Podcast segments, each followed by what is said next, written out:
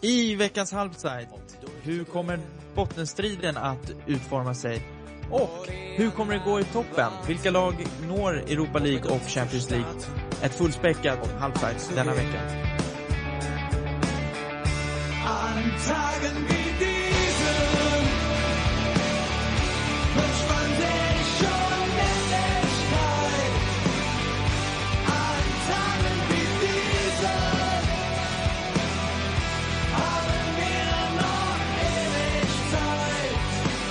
Müssen zeigen, wer sie sind. Samstag, diese Spieler müssen zeigen mich.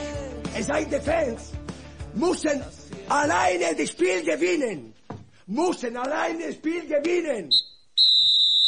Då säger vi hej och välkomna till ett nytt halvside. Tre månader för sent. Eller vad säger man Andreas? Eh, ja, den som väntar på något gott. Ja, eller hur? Eh, det, har, det har skett så mycket saker för både mig och Andreas de senaste månaderna så det har liksom aldrig blivit av. Men nu är vi här igen och eh, det blir snack om Bundesliga som vanligt och eh, ah, vi kör väl igång direkt med helgen som var och framförallt så tänkte jag att vi skulle först och främst gå in på den bottenstrid som hägrar där vi har just nu kanske fem, möjligen sex lag som är involverade och det är ju, bland annat har det pratats väldigt mycket om Hamburg som nu helgen gick och vann med 2-1 mot ett annat bottenlag i Nürnberg. Eh, hur ser du på Hamburg med nye tränaren Slomka och sådär? Är, är det ett lag som faktiskt kommer klara sig kvar nu i Bundesliga? De ligger ju en poäng ovan eh, kvalplatsen och två poäng från eh, nedflyttningsplatsen. Jag tror att det kommer bli en kamp ända in i det sista där, även med eh, Solomka. Jag har svårt att se att det eh, nu liksom blir någon form av eh, raketfart uppåt. Eh, men det är ju en inledningsvis spännande liksom eh, värvning utav Slomka liksom. Även om jag kanske inte eh, trodde på ett, eh, ett tränarbyte. Nej, han inledde ju ganska starkt får man ändå säga med en 3-0-vinst mot Dortmund. och Sen så har det ju hackat något med en förlust i eh, Nordderbyt mot Bremen och följt av oavgjort mot Frankfurt då, fram till segern här i helgen. Ser du någon skillnad på det, eller på det Hamburg som eh, spelar under Slomka mot det som fanns under van Marwijk och eh, Fink? Det kan vara lite svårt att säga se någon direkta skillnader men man vet ju att Solomkan har ju jobbat med ett offensivt eh, eh Hannover innan liksom och eh, kanske lite mer tvärt emot den, den, den mer eh, kanske inte konservativa men i alla fall eh, tillbakadragna från Marvik så det blir en helt ny sorts eh, tränarfilosofi eh, tror jag liksom och det blir ju i så fall nästan eh, tredje gången Hamburg byter eh, riktning eh, rent taktiskt den här säsongen. Det kanske blir så att det är tredje gången gilt nu och verkligen eh, matchas mot eh, spelarna. Känslan är ju att Slomka är en tränare som är lite mer human i hela sitt sätt att vara. Det intrycket man har fått är att det, han har siktat in sig väldigt mycket på att spelarna egentligen bara ska få upp lite lycka och glädje i, i det de gör. Mm. Eh, och, Och så är han ju eh, väldigt, eh, en väldigt respekterad tränare också i hela Bundesliga och det, eh, van Marwijk var ju väl lite halvkänd efter sin tid i Bundesliga sen innan liksom men inte alls i den nivå som Slomka är som jag tror inger lite respekt både hos spelare och, och fansen faktiskt. Ja, eh, motståndarna då? Nürnberg som under, eh, nu kommer jag aldrig ihåg hur förnamnet uttalas men Chatjan, något sånt? Något sånt. Verbeke i alla fall. Gert John.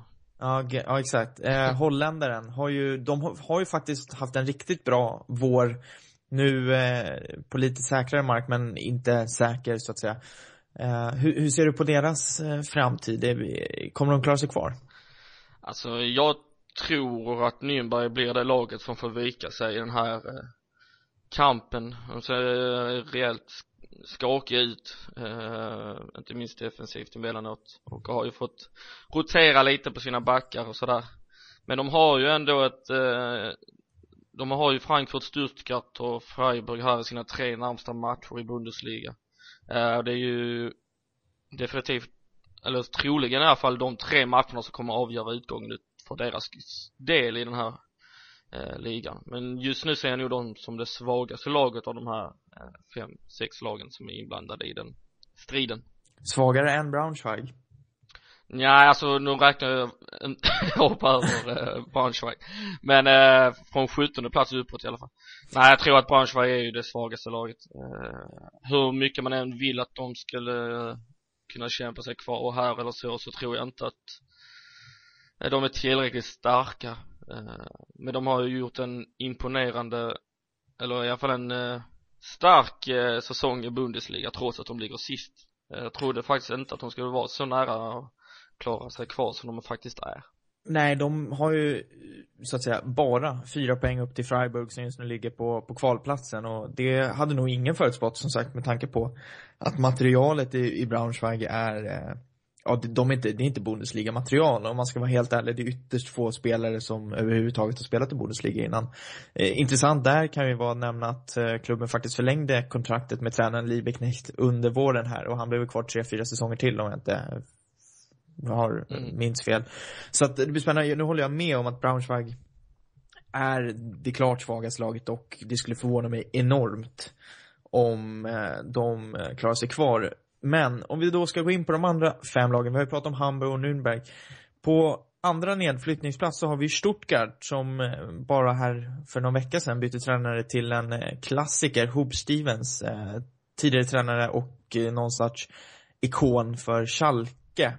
Fick 1-1 i debuten mot, mot Bremen och det bland annat efter att Martin Harnik missat en straff. Stuttgart, eh, Stuttgarts vår, de, hur många matcher har de inte vunnit på nu? Oj, eh, ja det måste ju vara upp mot nio, tio stycken. Ja, exakt. Och eh, formen där är ju, är ju som sagt dålig och spelarmaterialet är ju inte lika dåligt. Eh, vad tror du om deras chanser? Alltså spelarmaterialet är ju, till, är ju tillräckligt bra för att ligga betydligt högre upp. Eh, det tror jag att eh, alla är överens om och kollar man på förhandstipsen så var det ju många som trodde att de kanske skulle ligga runt en Europa League-plats liksom. Man ska, Eh, ju, man ska ju också tillägga att de faktiskt satsade ganska rejält inför säsongen med ett antal intressanta nyförvärv i Konstantin Rausch och Abdelaue från Hannover bland annat. Mm, och har man en eh, anfallsduo där med Abdelawi och Ibisevic och, eller Ibisevic så måste man ju i alla fall ligga bättre än en nedflyttningsplats, det är ju något som är säkert. Eh, jag tror dock att, alltså min magkänsla är att eh, det kan gå med Rub Stevens, eller Stevens. Jag vet inte hur det uttalas, men det lär ju vara Stevens antar jag. Ja, Hub. Jag tror- Hub. Ja. Ehm, han har väl i sig inte stått för några så här stordåd i eh, generellt liksom och hade lite problem med senaste gången han var i Schalke där Ehm, och eh, det är väl det han måste ta itu här nu med att liksom ta tag i Stuttgarts eh, offensiva spelare för det är där de är så skickligast de har ju väldigt många bra eh, spelare framåt och eh, jag tror liksom ändå att ja, det tar ett tag att vända en sån här trend som Stuttgart har haft. Eh, och man kanske inte går in och vinner direkt men det börjar bli väldigt bråttom i alla fall för eh, Stuttgart. Det får man ju minst sagt eh, säga och eh, även där så kommer det ju komma viktiga matcher eh, i framtiden. Det, det man ska säga också i bottens är att de flesta av de här lagen ska faktiskt möta varandra. Mm. Så att det gör ju att det blir den ena sexpoängsmatchen efter den andra. Nu till exempel i helgen så möts ju Hamburg och Stuttgart. Eh, och, Ham och Stuttgart har efter det Nürnberg. Så att det är två raka möten där också. Där det ko- det kommer bli eh, viktiga, viktiga poäng. På kvalplatsen då så har vi Freiburg, ett lag som, som tappade hela sin stomme inför säsongen, eh, spelade i Europa League och många var ju väldigt osäkra på om de faktiskt skulle klara av att dubblera, eh, att spela ute i Europa och i Bundesliga och bevisligen så har det inte riktigt funkat. Eh, jag gillar ju Christian Streich där, tränaren, men för mig så är Freiburg faktiskt ett lag som jag tror kommer att åka ur tillsammans med Braunschweig för att de har helt enkelt inte presterat när det har gällt som mest och har väldigt många sådana här förluster där man släpper in sena mål, man tappar ledningar och sånt och jag tycker de har alla tendenser för ett lag som faktiskt i slutändan äh, åker ur. mm. Jag såg matchen här i söndags äh, mot Frankfurt och Alltså efter de första 20-25 minuterna så var jag helt övertygad om att Freiburg skulle bli det laget som åker ut för att de var så väldigt tillbakapressade och Frankfurt och visade ingenting framåt. Sen så vänder de och vinner med 4-1. Eh, inget resultat som speglar matchen liksom men det där var- visade ändå på en förmåga liksom att lyckas eh, ta in eh, de där tre viktiga poängen och då ställer man istället frågan liksom om Frankfurt i så fall är ett lag som kommer att dala ned Det är ju det, där man hamnar. och ja, precis som du, alla gillar ju Christian Streich liksom. Det är ju, älskar ju att se honom på linjen bredvid eh, andra tränarprofiler liksom, där det är liksom, som verkligen lever sig in i matcherna. Ehm, Men jag För- tror att, eh, jag skulle kunna tro på en eh, jag tror att Freiburg kommer vara starkare än Nürnberg, eh, det tror jag. Ehm, Men det, det hänger ju en kvalplats däremellan också. För du nämnde Frankfurt där och Frankfurt har just nu fyra poäng ner så att säga till kvalplatsen där Freiburg ligger. De har 26 poäng och förlorade nu med 4-1 i en match som om de hade vunnit den så hade Frankfurt troligtvis varit helt ur bottenstriden för då hade Mm. de haft eh, för många poäng. Armin Fel lämnar efter säsongen, det är klart, det har han deklarerat själv. Klubben jagar ersättare eh, och eh, han har själv sagt att han inte tänker, alltså Fe har själv sagt att han inte tänker lämna klubben som en Zweite Bundesliga-klubb. Men nu är det ju så att de är i riskzonen för att hamna i det absoluta bottenskiktet och det har inte sett jättebra ut i Bundesliga på senaste tid. Nej absolut inte. Uh, Alltså man, det är ju samma sak där, det är också en klubb som man gärna ser i Bundesliga men de har ett extremt tufft uh, uh, schema kvar om man bortser från att de möter Nürnberg till helgen då. Uh, De har ju topplag som Mönchengladbach och Wolfsburg och Schalke och Leverkusen kvar på sitt schema och inga enkla matcher alls ehm, Så jag har, tror liksom inte att det kommer att vara så här att de nu går och vinner några matcher här och viker ifrån bottenstriden utan det kommer då bli så att det är fem, sex lag som kommer slåss ända in i slutet där nere. Ja, och eh, som sagt, nu har vi nämnt dem alla. Jag fick faktiskt, eh, jag satt och lyssnade igår på på någon tysk eh, fotbollsprofil, nej han, ingen kändis så, utan någon journalist som pratade om, och han, eh, som pratade om just bottenstriden och han nämnde att eh, han trodde att Hoffenheim skulle åka ur och Hoffenheim står just nu på 29 poäng vilket brukar runt gränsen brukar ligga runt 35 för att man ska klara sig kvar. Så att det är inte många poäng som behövs för att de ska göra det. Men han han nämnde Hoffenheim för att han sa att det här är ett lag som absolut inte kan försvara sig och nu har ju de släppt in flest antal mål i Bundesliga, 56 stycken. Samtidigt har de också gjort 54 vilket är tredje bäst. Eh, jag tror inte att Hoffenheim kommer åka ur. Vad, vad tror du om hans tankar den här journalisten? Nej jag tror inte heller att eh, de kommer blanda sig där nere. Um, han har ju, det är ju sant att de har en väldigt eh, svajig defensiv liksom och det straffar ju sig mot de offensivt starka lagen. Eh, däremot har de ju själva en väldigt bra eh, offensiv, eh, vilket gynnat dem den här säsongen. Och jag tror att det, med det försprånget de har eh, så tror jag definitivt att de kommer eh, reda ut det här. Eh, ja, det Ja. var väl det. Ja. eh, ja, och det var väl egentligen bottenstriden. Två lag som vi kanske inte kommer att prata särskilt mycket om idag är Hannover och, och Werder Bremen och det är helt enkelt för att de ligger i ett skikt där de egentligen inte är särskilt intressanta för bottenstriden just nu och inte heller särskilt intressanta för eh, striden om Europaplatser. Men jag tänkte att vi går in lite då på Europaplatserna för att som tabellen har utvecklats så är det ju, ja, kanske inte vad vi har trott om man ska vara helt ärlig från senast när vi pratade Eh, vi har ju nämnt både Wolfsburg och Mönchengladbach som heta utmanare till eh, Champions League-platserna, men just nu så är det faktiskt Mainz som leder jakten och ligger på en femte plats. Eh, Thomas Tuchel som tränare Mm. har gjort ett fantastiskt jobb. Samtidigt så är de också ett, det enda av de första nio lagen som har minus i målskillnad. Eh, vad har du att säga om Mainz och deras vår?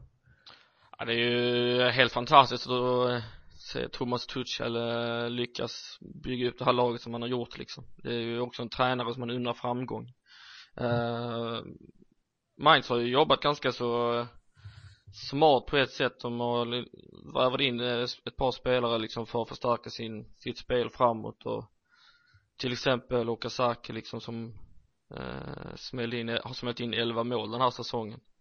Eh, man har en kompetent målvakt i, uh, Karius. Karius eller Karius precis uh, Ja man är, men alltså om man kollar så här på liksom på truppen i sin helhet så är det ju ingenting som så här direkt eh, luktar Europaspel. Eh, och det gör ju hela, hela saken ännu mer imponerande. Men det luktar ju, det luktar ju språngbräda. Alltså Mm. att man går till Mainz för att ta nästa kliv till kanske Schalke eller Leverkusen. Men det är lite årets, ehm, årets Freiburg kanske man ska säga. Eh, en verklig raket som är med en tight, def- tight defensiv liksom. Och eh, det känns som att de mindspelarna verkligen de går till jobbet varenda dag liksom och gör den hos scouten så eh, tror jag att eh, de är jävligt bra på att lyssna på Tuchel också. Eh, ja, eh, de har ju som sagt 41 poäng, vände 2-0 underläge till seger 4-2. Jag tror de gjorde tre mål på, på åtta minuter där. Eh, Mm. Och vände matchen i, ja, i en väldigt intressant andra halvlek framförallt. Men så att de har tagit sig upp på femte plats med det. Och på sjätte plats hittar vi då Wolfsburg som vi inför säsongen och under hela hösten eh, pratar om som ett utmanande lag till Champions League. Och nu har de i och för sig bara fyra poäng upp till Leverkusen som haft en tung vår. Men eh, vad är det som gör att Wolfsburg gått så dåligt? Nu fick de ju totalt bara 1-1 mot Braunschweig på bortaplan. Ja, det är ju klassisk ojämnhet där. De är ju rätt så risig form just nu. De har väl eh, tre raka förluster tror jag. I och sig däribland, eller tre raka matcher utan seger rättare sagt. Mm. Eh, däribland förluster mot Bayern München då.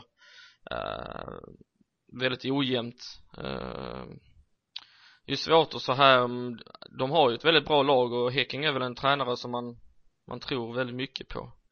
Eh, det här nyförvärvet Bas Dost har ju dock inte heller i år liksom, eller i vår blivit någon eh, succé eh, så det känns som att Wolfsburg kan gå sluta både träffar de bara formen liksom så kan de segla upp mot en fjärde plats liksom men de kan lika bra missa hela Europaspelet ju. Eh, Det som också blir intressant är att de värvade in eh, Kevin De Bruyne från, eh, från Chelsea som skulle eh, indirekt ersätta flyktande Diego och har väl egentligen inte lyckats med den rollen överhuvudtaget.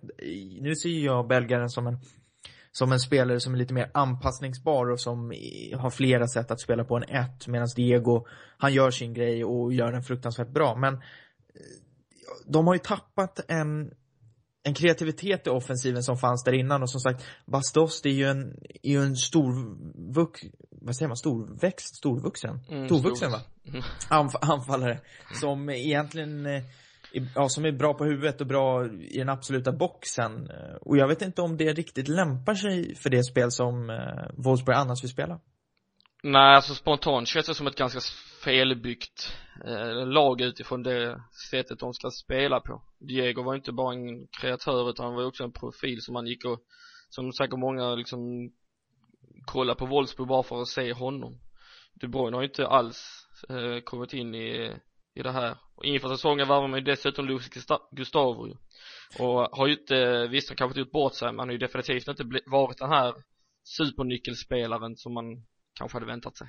Nej, man ska inte underskatta den rutin som Diego hade. Han var trots allt ändå också medveten om vad det som krävs för att ha den där absoluta stjärnrollen som han hade i Wolfsburg. De Bruyne är ju, är ju ung, var 21-22 år. Mm. Eh, det är klart att pressen är ju, var ju, är och var enorm när han värvades för 22 miljoner euro om jag inte minns fel. Ja, Eh, något, något jag. där omkring i alla fall. Ja, det var omkring 20 miljoner euro så det är klart att pressen har varit hög och förväntningarna har ju varit ännu högre från supporterna och även om han har gjort det bra så har man nog förväntat sig ytterligare någonting extra. Mm. Men när vi ändå pratar om Wolfsburg då tänkte jag, då passar jag på att lyfta fram Ricardo Rodriguez, eh, ytterbacken de har i försvaret. Han har varit, gjort en helt fantastisk säsong och han är väl bara eh, en 20-22 år tror jag liksom och eh, en, definitivt ett framtidsnamn i Bundesliga och eh, eh, bra både framåt och bakåt och en riktigt bra slägga liksom. Eh, tror att eh, det dröjer inte länge innan vi kommer att se honom i det absoluta rampljuset. Nej, eh, Magath-värvning från, eh, om jag, från Schweiz, från Basel eller något sånt där kan det ha varit. Zürich va tror jag. Zürich, ja jag kommer att jag såg honom i någon match där Mm. när de spelade ute i Europa och jag tänkte att där har vi en riktigt vass spelare. Vi går vidare då till det lag som just nu ligger på sjunde plats, alltså på 39 poäng, en poäng bakom Wolfsburg, två poäng bakom Mainz. Så det är Mönchengladbach vars vård inte heller har varit särskilt bra. Nej. Men, de vann ju i helgen mot Dortmund. Eh, är det starten på, på lyftet? Eh, det kan vara det. Det kan det vara alltså. De, de har ju varit i riktigt risig form och haft väldigt svårt att eh, hitta målet Ehm, man har ju rätt höga förväntningar på Borussia Mönchengladbach, kanske ibland lite väl höga förväntningar Eh, det har ju att göra med det lyft de har gjort de senaste säsongerna Eh, jag tror ju definitivt att de kommer kunna eh, hänga med och ta en Europaplats Eh, Exakt, och eh, intressant där också, som man kanske ska nämna, är att eh, målvakten Ter Stegen kommer att lämna i sommar, går till Barcelona, ersätter i Jan Sommer. Hur, hur, vad tror du om det bytet? Ja alltså eh, förutom att Jan Sommer är extremt lik Tim Wiese eh, Obehagligt nästan. obehagligt till utseendet i alla fall jag har en, inte superkoll på honom som spelare, jag har sett honom vid några enskilda matcher och sådär men eh, nej men det låter väl som en eh, klok eh, värvning, det låter inte som någon så här eh, panikvärvning utan Mönchengladbach har verkligen förstått att de kommer tappa till stegen till sommaren och dessutom lyckas förlängt med Heimeroth eh, som blir backup-målvakt. Så det känns som att det här är verkligen planerat och de har funderat bra genom detta. Så att eh, jag tror att eh, eh, det kan nog absolut falla väl ut.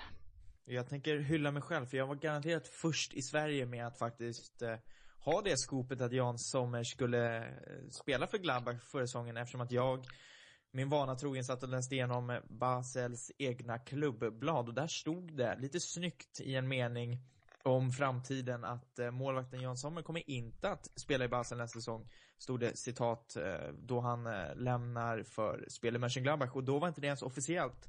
Så att jag klappar mig själv lite på axeln där är bra.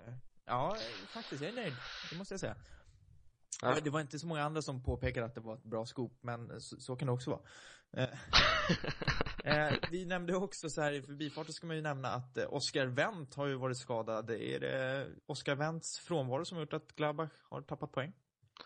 Ja, svenskan igen vill ju hävda det kanske, men eh, nej, jag vet inte, det är väl eh, de har ju Filip Dems där som hade den där eh, platsen på vänsterbacken i början liksom och sen så kom Oskar Wendt och tog den Eh, och Philip Dams är ju en rutinerad och kapten och liksom vet, kan den rollen så jag har svårt att säga att just Oscar Wendts frånvaro skulle vara den direkta anledningen. Men sen hade ju Oscar Wendt en väldigt bra höst så man kan ju visst, eh, det är möjligt att han i form kanske lyfter Mönchengladbach. Det som är intressant att nämna är också att eh, nu ser det ut som att Dems får förlängt kontrakt, om man inte redan har fått det med ett år mm. eh, I och med att Wendt har varit borta och han har imponerat så mycket, Dems, på vänsterkanten Samt att Fabian Johnson, eller Fabian, jag vet inte, han är amerikanare så att det är väl nog skönt amerikanskt uttal Är också värvad från Hoffenheim som är vänsterback så att Wendts kommande säsong kan bli riktigt, riktigt tuff för honom Ja, sen vet vi ju att eh, Lucien Favre såg ju i början Wendt som en, mer som en mittfältare innan han förstod att det inte, att han passar bäst som, som back liksom det är möjligt att det kanske finns den tanken att flytta upp Wendt igen. Eh, Fabian Johnson har väl också en förmåga att spela längre framåt. Så att eh, de vill kanske ha en bredare trupp och ha lite mer att spela på eh, och så att de inte blir så sårbara som de faktiskt är. Ja, och om vi fortsätter på Europa League-spåret, för det är väl de platserna vi egentligen pratar om främst, så har vi poängen bakom Gladbach, två poäng från Wolfsburg som har eh, den sista Europa League-platsen, så har vi Augsburg, alltså höstens och vårens stora överraskning som har 38 poäng och eh, därmed garanterat kommer vara kvar i Bundesliga till nästa säsong. Eh, nu förlorar de helgen eh, efter att ha haft ledningen med 1-0. Förlorade med Mm. 2-1 mot Schalke, Huntelaar vände på den tillställningen. Eh, hur- ser du på Augsburg? Det är ju lite av vårat, så att säga, vi har väldigt stora sympatier för dem även om varken du eller jag håller på dem. Ja, nej men det är ju ett eh, ett intressant lag liksom med en skön eh, kultur och med härliga profiler i laget från Sascha Mulders som kanske inte är, eller som definitivt inte är någon av de bästa spelarna i laget men som är en profil eh, och jag Bundesligas största målsuppare. Nej. Nej men det är ju, det är fantastiskt att se att eh, när det sticker upp så här eh, lag från botten som Mainz och Augsburg och man har ju faktiskt kanske en av en av de spelarna som kommer vara mest eftertraktade efter den här säsongen är André Hahn eh, som också har, som jag förstått har en utköpsklausul här i i eh, det närmaste så att eh, Ja, den, eh, så som gör de det här och det är det som har blivit en snackis för att han, den ligger på cirka, jag tror den låg på 2,5 Mm. miljon euro. Och grejen är att den gäller bara till mars ut. Ja just det, det var det jag läste också. Och, och då ska man ju veta att 2,5 miljoner euro för André Hahn Det är som, det är rena rama rea-priset alltså. Ja, för att han skulle nog kunna gå in i faktiskt nästan alla Bundesliga-lag. Jag tror, det är nog bara Dortmund och Bayern München han inte går in i från start. Ja, det har väl ryktats om Borussia Mönchengladbach eh, men som jag tror att han kan nog ta ett ännu större steg än så faktiskt eh, men det är klart det beror på, han är fortfarande ung så han kanske vill ha, prioriterar speltiden Man ska veta att det är bara ett år sedan han eh, faktiskt gick från tyska division 3, Mm. Stuttgart Kickers, till Augsburg och har gjort en, som sagt, en kometkarriär, om man nu ska vara sån. Det är uttagen i landslaget här, fick tyvärr inte spela mot Chile, men är ändå nog på agendan inför sommarens VM-trupp. mm. och gjort, eh, vad är det, 10 mål och 7 målgivande passningar den här säsongen eh, riktigt eh, starkt och eh, definitivt en, en av de största anledningarna till att Augsburg ligger så pass högt upp sen gjorde man också en eh, ska jag klappa mig på axeln lite för jag tog ju fram Halil Altidorp som en av de bästa värvningarna i Bundesliga den här säsongen kanske inte en av de bästa men har i alla fall gjort åtta baljor eh, och eh, lyft det här laget eh, Ja, enormt viktig spelare för Mm. Augsburg. Alltså det är ju oavsett hur den här säsongen slutar så måste ju eh, Augsburg och eh, dess fans och Weinziel och sådär liksom vara oerhört eh, nöjda faktiskt. Det ska man nog veta att årets Augsburg, vi kommer nog få höra från Weinziel och från spelarna tror jag vi kommer höra mer av i framtiden. För att det är ett talangfullt lag som garanterat har många år kvar på, på högsta nivå. Och jag tror att eh, många av dem kommer att hamna på en högre nivå. Även om Augsburg inte kanske går upp och blir ett topplag så tror jag att många av eh, Mm. spelarna och som sagt tränaren hamnar Och- högre upp. Och är det så att eh, Mönchengladbachs negativa trend återuppstår här och Wolfsburg rasar så kanske rent av är så att det är Mainz och Augsburg som representerar Tyskland i Europa League nästa säsong. Vilket vore intressant. Det vore väldigt intressant men det känns också väldigt bra för är det några lag man vill ska eh, gå till Europa League så är det lag som kan lära sig eller klubbar som kan lära sig utav det eftersom det kanske inte är den av de andra topplagen mest prioriterade kuppen.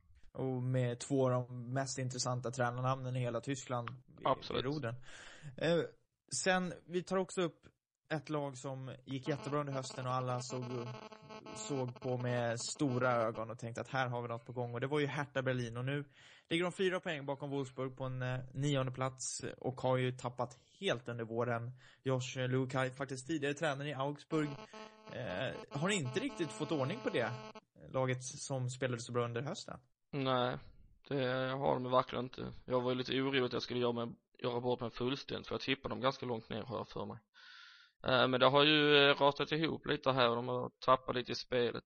Eh, bytte ju eh, Skjelbred eh, mot eh, Lasogga. Lasog, eller tvärtom Lasogga mot Skjelbred. Eh, ett byte så här med facit med hand kanske inte eh, var så smart eftersom Lasogga har gjort det väldigt bra. Så att eh, Nej, Lukai har en del att jobba med där men eh, samtidigt de är nykomlingar och en plats som de har nu är ju väldigt bra som nykomling. Minst sagt. Eh, spännande där, kanske framförallt, ja, med tanke på dina eh, lagsympatier är ju att Adrian Ramos har ju nu länge ryktats vara på väg till Dortmund. Fortfarande rykte, men det sägs ju att hans agent ska ha sagt att Mm. transfer är klar. Hur ser du på Ramos och vad tror han skulle kunna tillföra i Dortmund nästa säsong? Ja alltså som jag har förstått så är ju själva snacket bland supportrarna till Dortmund och så här är väl att Ramos inte är något första val som ersättare till Lewandowski. Jag eh, personligen tror absolut att han är en spelare som skulle passa i Dortmund framförallt när man har tagit in mycket snabba spelare som man har gjort i i Aubameyang och Mkhitaryan som är kvicka i fötterna liksom och sådär och då tror jag att det passar bra till till Ramos um, men det är, sen så har han gjort en, vad är det, 15 mål den här säsongen nu eller i ett Hertha som kanske inte har varit på sin topp liksom. Och då eh, definitivt en spelare som borde ges chansen och det känns som att Dortmund alltid varit en klubb som har värvt in spelare som kanske inte redan är, har varit de här helt topputvecklade ännu liksom. det som jag tycker man också ska nämna just eh, kring Dortmund, oavsett vem det blir som blir värvad till anfallet, för det kommer bli så tror jag man ska vara tydlig med att påpeka att det faktiskt inte egentligen är en ersättare till Lewandowski man pratar om. För att eh, jag tror Klopp aldrig har egentligen pratat om att han ersätter spelare utan snarare om att han bygger Mm. vidare. Och jag tror man ska nog hålla sig från att diskutera att den här är en spelare som ersätter. Snarare ska man nog se det som att det här är ett sätt som Dortmund vill utveckla, utvecklas på. Nej, det finns ju bara kanske ett tiotal spelare i hela världen som skulle kunna mäta sig med Lewandowski och de spelarna är inte intressanta för Dortmund liksom. Eh, eller intressanta möjligtvis men de har i alla fall ingen chans att värva dem om man säger så. Eh, och jag tror liksom att eh, att hitta en spelare som är lika skyddar bollen lika bra och, och lika säker med bollen som Lewandowski liksom det, det finns inte utan då tror jag mer på att hitta någon som kanske matchar in mer med de spelarna som kommer att spela med liksom.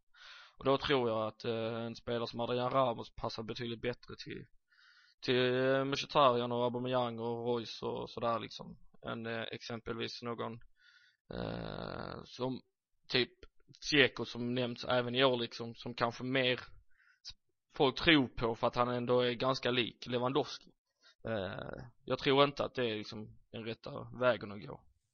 Eh, nu när vi ändå pratar om Dortmund så ska vi kanske inte prata om nästa säsong redan nu utan vi, vi kommer gå in på det såklart senare under våren och när det väl börjar närma sig ny säsong. Men vi kan ju ändå ta upp dem för att de är tvåa i tabellen just nu.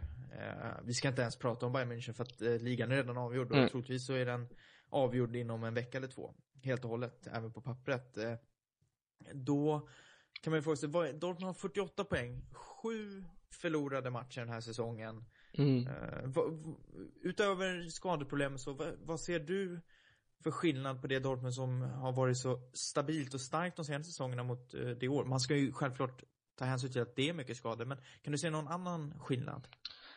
Alltså det, det hänger väl ihop lite med skador på ett sätt liksom men jag tycker nu de senaste, eller på våren här har det märks eh, tydligare än någonsin att eh, Ilka Gündogan saknas eh, avståndet mellan försvar och anfall har blivit eh, väldigt långt liksom. Eh, visst eh, Sven Bender och Sebastian Kehl är bra defensiva mittfältare men de har inte tillräckligt bra offensiv eh, eh, kompetens och Nouri Sahin har haft en eh, rätt så tung säsong.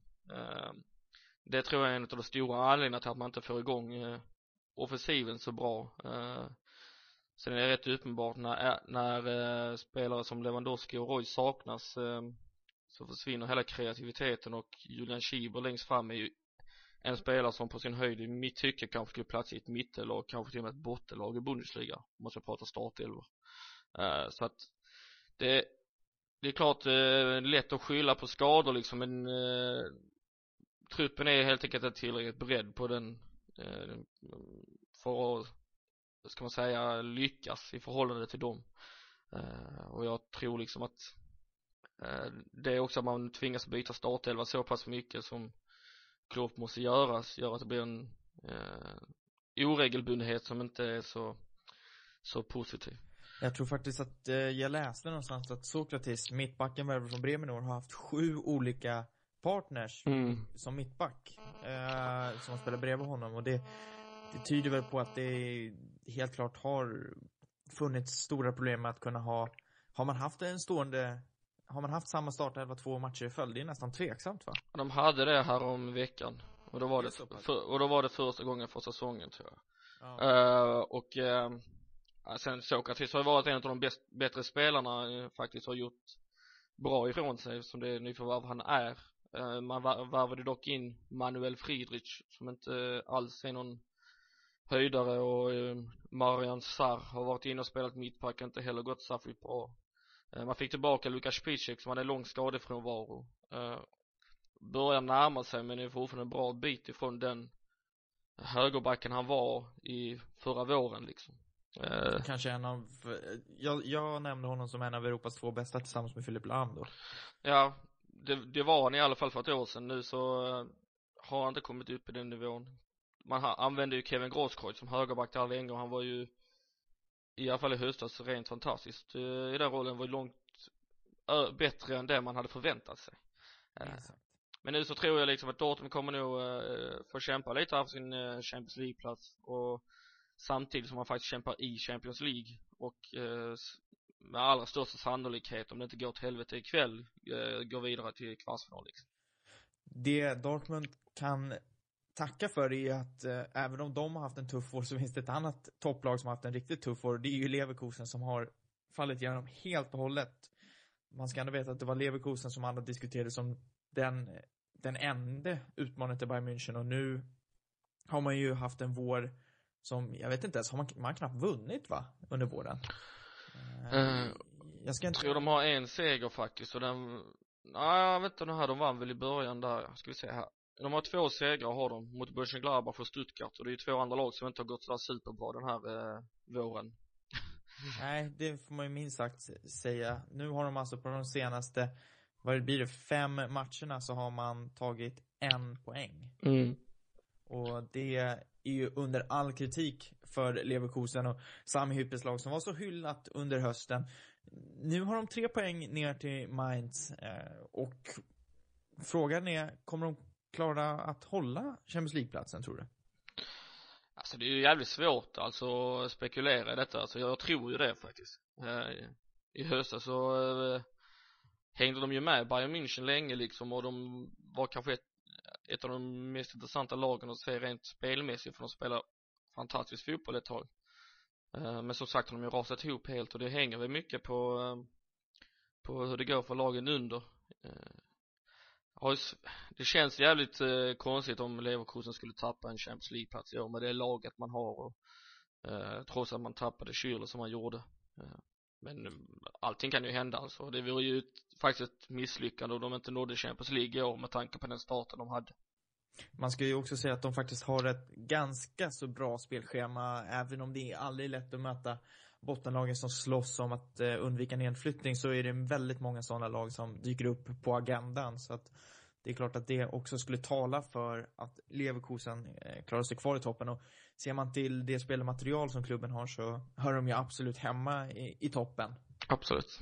Det som däremot har skett är väl att Stefan Kiesling inte har presterat på den nivån som han gjorde under hösten och det det syns ganska tydligt hos Leverkusen, har gjort det egentligen under flera års tid, att när Kiesling inte presterar så har Leverkusen en tendens att tappa för att den enda andra anfallaren som kan gå upp på den rollen är ju Derdiuk och han har ju inte i närheten av samma kvaliteter som Kiesling. Nej, man har ju Holmesson också men han är ju mer eh, Ytter. Ja precis liksom och eh, det skulle kanske funka att flytta upp honom men han har ju inte heller eh, gjort några eh, fantastiska insats, insatser här under våren Eh, det känns helt enkelt som att hela Leverkusen är i ganska dålig form liksom för att inte säga väldigt dålig form eh, men jag tror att om de bara slipar till formen lite så kommer poängen ramla in också Ja, och då tar vi också upp eh, det lag som just nu är eh, nummer tre i tabellen och eh, är en poäng bakom ärkerivalen Dortmund och vi ska säga att de två lagen möts nästa vecka. Det är alltså Schalke vi pratar om och de möter Dortmund nästa tisdag i Roderbyt. Schalkes vår har ju verkligen varit intressant. Eh, Jens Keller sades ju vara på väg ut under vinterpausen. Klubben valde att behålla honom och nu när Huntelaar är tillbaka och är i eh, riktigt vass form så har ju Schalke sett ut som ett helt nytt lag. Mm. Nej, alltså jag tycker nog det var rätt att behålla Jens Keller framförallt när det gick som det gjorde i Champions League fram tills igår då. Eh, där de åkte ut mot Real Madrid. Eh, de har ju bara förlorat en match här tror jag under eh, hela våren i Bundesliga. Det var väl mot Bayern München. Ja, jag tror att det stämmer och då blev man ju rejält utskåpade samtidigt så hade man ju blivit utskåpade av Real Madrid bara Mm. några dagar innan men utöver det så har det ju sett riktigt bra ut. Det är ju lite, det, visar lite på tendenser liksom att Schalke har svårt mot eh, att, att stå emot eh, när de inte får vara det, det förande laget liksom. Eh, de gör sig ju bäst när de liksom verkligen får trycka ner andra offensiva lag som exempelvis Hoffenheim som de körde över här veckan och sådär. Eh, men, eh, och de har väl ändå också ett eh, relativt enkelt schema kvar.